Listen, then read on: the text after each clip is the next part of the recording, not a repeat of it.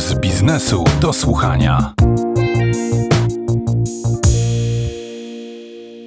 Głównym przeciwnikiem ograniczenia handlu w niedzielę były, co oczywiste, największe sieci handlowe w Polsce. Zrzesza je Polska Organizacja Handlu i Dystrybucji, więc postanowiłem porozmawiać z jej szefową, Renatą Juszkiewicz, o tym, jak giganci polskiego handlu oceniają ograniczenia i co sami by zrobili, gdyby ustawodawcy zechcieli ich posłuchać.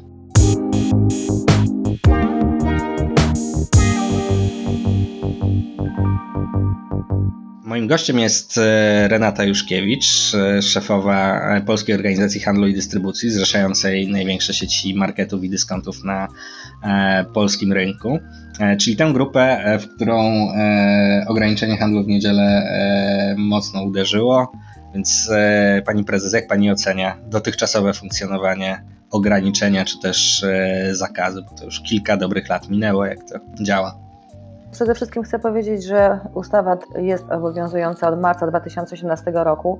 Pamiętamy początki tej ustawy, kiedy tak naprawdę społeczeństwo było totalnie pogubione w kontekście tego, kiedy te sklepy są otwarte, kiedy są zamknięte. Mieliśmy sytuacje takie, żeby społeczeństwo, klienci przychodzili do nas do sklepów, kiedy były sklepy zamknięte, a skądinąd sklepy otwarte, puste kasy, kasjerki siedzące na kasach nie mogły obsługiwać, ponieważ konsumenci po prostu pomylili daty. To był początek tej całej akcji związanej z zakazem handlu w niedzielę. No cóż, stało się tak, że bardzo duża grupa osób odeszła od stacjonarnego robienia zakupów i zdecydowała się jednak na zakupy e-commerce'owe, czyli online'owe. Pomogła temu oczywiście bardzo mocno pandemia, z tytułu tego, że jednak no, Polacy zaczęli dbać o swoje bezpieczeństwo i zdrowie i wybierali tę formę robienia zakupów. Tak naprawdę z naszego punktu widzenia zakaz handlu nie spełnił oczekiwań uczestników rynku. Po pierwsze, od początku wiadomo było, czy też uważaliśmy, że jednak tutaj związki zawodowe optują za tym, żeby pracownikom handlu dać możliwość wolnej niedzieli i spędzenia wolnego czasu z rodziną. Tymczasem doprowadziło to do jasnej dyskryminacji i podziału wśród pracowników tego samego sektora, czyli handlu, ponieważ 50% pracowników zatrudnionych w handlu nadal pracuje w niedzielę, natomiast 50% pracowników zatrudnionych handlu na wolne z uwagi na to, że są zatrudnieni w wielkopowierzchniowych obiektach handlowych. Czyli tak naprawdę zakaz uderzył w te największe sieci handlowe o największych powierzchniach. Nie pomógł wbrew pozorom małym firmom, małym sklepom, z tego tytułu, że chociażby mamy przemiany demograficzne i mamy brak sukcesji, jeśli chodzi o osoby, które prowadzą taki sklep. Konsumenci oczywiście bardzo krytycznie odnoszą się i odnosili do tego zakazu handlu w niedzielę z uwagi na to, że nie mogą w pełni korzystać ze swoich praw i swobód obywatelskich, w tym oczywiście swobód konsumenckich. Tak więc ten zakaz handlu w niedzielę od początku budził wiele kontrowersji, a przede wszystkim to, co jest najgorsze, cały czas jest poddawany dyskusji i właśnie tutaj krytyce, co za tym idzie, są podejmowane różne kroki zmieniające, nowelizujące tę ustawę, co tak naprawdę burzy normalne funkcjonowanie handlu i wprowadza po prostu pełną dezorganizację. Ta ostatnia nowelizacja powstała dlatego, że sieci handlowe masowo zaczęły w ostatnich miesiącach otwierać sklepy w niedzielę, podpisując umowy z operatorami pocztowymi i stając się punktami odbioru i nadawania przesyłek. No i pojawiły się zarzuty o naginanie prawa. To nie jest tak, że tam wszystkie placówki każdej sieci są teraz czynne w niedzielę, no ale na przykład y, moja pobliska Biedronka czy Oszą, czyli członkowie waszej organizacji, były zamknięte w niedzielę, a teraz działają normalnie, no bo można tam teoretycznie zostawić czy odebrać przesyłkę. No i pojawiły się zarzuty o naginanie prawa, pojawił się projekt nowelizacji, który ma tę furtkę zamknąć, więc jak odnosi się y, Pani do tych zarzutów? Po pierwsze naginanie prawa, no i jak do samej koncepcji nowelizacji ustawy? Przede wszystkim zarzuty o naginanie prawa adresowane wobec największych sieci handlowych w Polsce jest bezpodstawne. Uważamy, że firmy stosują się do przepisów prawa, które obowiązuje, na tych samych zasadach. Więc dlaczego nie mogłyby skorzystać, czy też realizować swojego biznesu na kanwie prawa, które obowiązuje, a prawo mówi wyraźnie, że można otwierać sklepy w momencie, kiedy ma się podpisaną umowę z, z placówką pocztową. Więc tutaj nie uważam, że to jest naginanie prawa, jest to po prostu wykorzystanie obowiązującego prawa do realizacji swojej podstawowej działalności, jakim jest handel. Przede wszystkim jeśli chodzi o nowelizację, no więc tak jak powiedziałam na początku, ta ustawa od początku budziła szereg kontrowersji z uwagi na liczne wyjątki. Tych wyjątków było ponad 30. W związku z powyższym wiadomym było, że będzie to budziło kontrowersje, tak też się stało.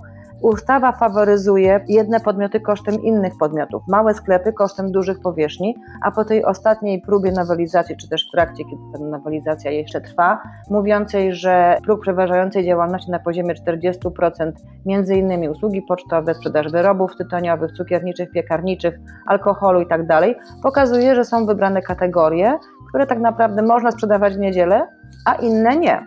Więc tak naprawdę ustawa ta sankcjonuje po prostu pewne kategorie produktów. Kolejna rzecz faworyzuje w dalszym ciągu i dyskryminuje przede wszystkim pracowników handlu, którzy są w tym momencie objęci ustawą, którzy mogą nie pracować i ci, którzy muszą pracować.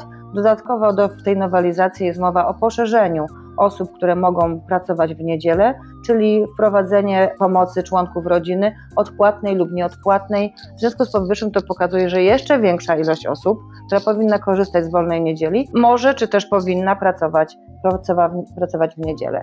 Z naszego punktu widzenia, ponieważ to ograniczenie 40% na niektóry asortyment pokazuje, że jest ograniczony dostęp do żywności i artykułów pierwszej potrzeby. Mamy do czynienia oczywiście z zakupami robionymi na stacjach benzynowych, ale należy zwrócić uwagę na, również na różnice cen w sklepach wielkopowierzchniowych, w sklepach małych czy też średnich i na stacji benzynowej, więc z całą pewnością ta ustawa uderza w portfele polskich rodzin. No i przede wszystkim jeszcze tutaj mówiąc o sytuacji pandemicznej, należy powiedzieć, że przede wszystkim wprowadzenie dodatkowego dnia handlowego ma ogromne znaczenie w tej sytuacji, ponieważ tak naprawdę podnosi bezpieczeństwo Polaków, bezpieczeństwo konsumentów i bezpieczeństwo pracowników handlu. I uważaliśmy od początku, że ustawa ta powinna przynajmniej na okres pandemii i kilka miesięcy po zostać zawieszona. Pani prezes, my o kwestii zakazu handlu w niedzielę rozmawialiśmy wiele na przestrzeni ostatnich lat i ja zawsze zadawałem podobne pytanie, to znaczy Solidarność przez długie, długie lata apelowała, by coś zrobić z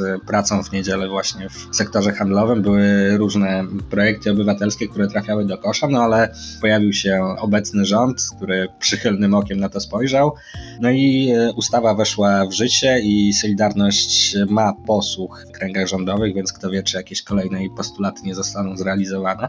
Moje pytanie jest takie, co wy jako sieci handlowe możecie zaproponować pracownikom waszego sektora, by wilk był syty i, i owca cała, czyli żeby oni odpoczywali tyle, ile chcą i, i mieli wolne niedzielę, a jednocześnie byście wy mogli prowadzić te sklepy w niedzielę. I czy sądzi pani, że w ogóle taki projekt miałby teraz szansę powodzenia? Od początku postulowaliśmy za tym, żeby jednak handel w niedzielę utrzymać, a dać pracownikom dwie niedziele wolne obligatoryjnie w miesiącu. To oczywiście rozwiązałoby problem obu stron. Przede wszystkim konsumenci byliby zadowoleni, że mogą te zakupy realizować tak jak do tej pory, mogą też spędzać wolny czas z rodziną w centrach handlowych, w galeriach handlowych, podczas atrakcji, które te centra handlowe organizują, chociażby dla dzieci. Natomiast pracownicy handlu powinni mieć dwie niedziele wolne od pracy.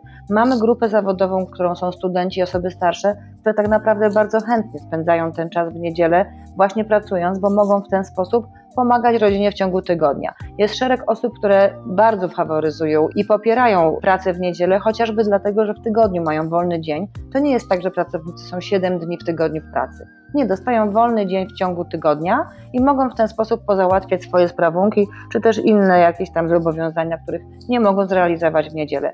Więc tak naprawdę handel w niedzielę powinien zostać utrzymany, chociażby z uwagi na tą sytuację pandemiczną, na to, żeby jednak Polacy mogli sobie rozłożyć te, te zakupy na 7 dni w tygodniu, żeby nie było kolejek i natłoku konsumentów właśnie w te dni poprzedzające niehandlową niedzielę i żeby pracownicy handlu również skorzystali na tym, że mogą pracować, szczególnie ci, którym na tym najbardziej zależy. To już na sam koniec. Solidarność ostatnio, to znaczy przewodniczący handlowej Solidarności Alfred Bujara dość luźno stwierdził, że w handlu godziny pracy są zbyt długie i godziny otwarcia sklepów i może to powinien być właśnie następny krok w regulacji sektora, czyli nie tylko ograniczenie handlu w niedzielę, ale też ograniczenie godzin otwarcia sklepów, zwłaszcza sklepów wielkopowierzchniowych w ciągu tygodnia, więc jestem ciekaw jaka jest Pani opinia na ten temat, choć chyba sobie wyobrażam jaka ta opinia będzie.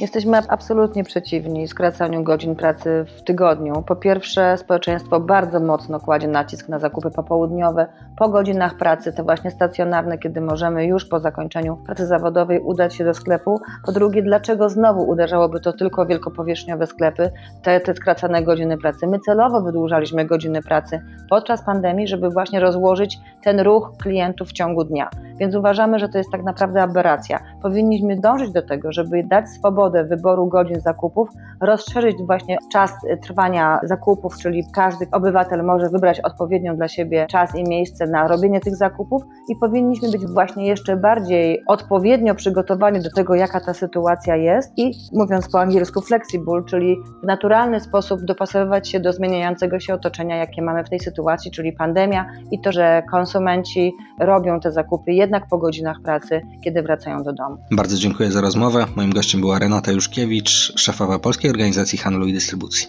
Dziękuję bardzo.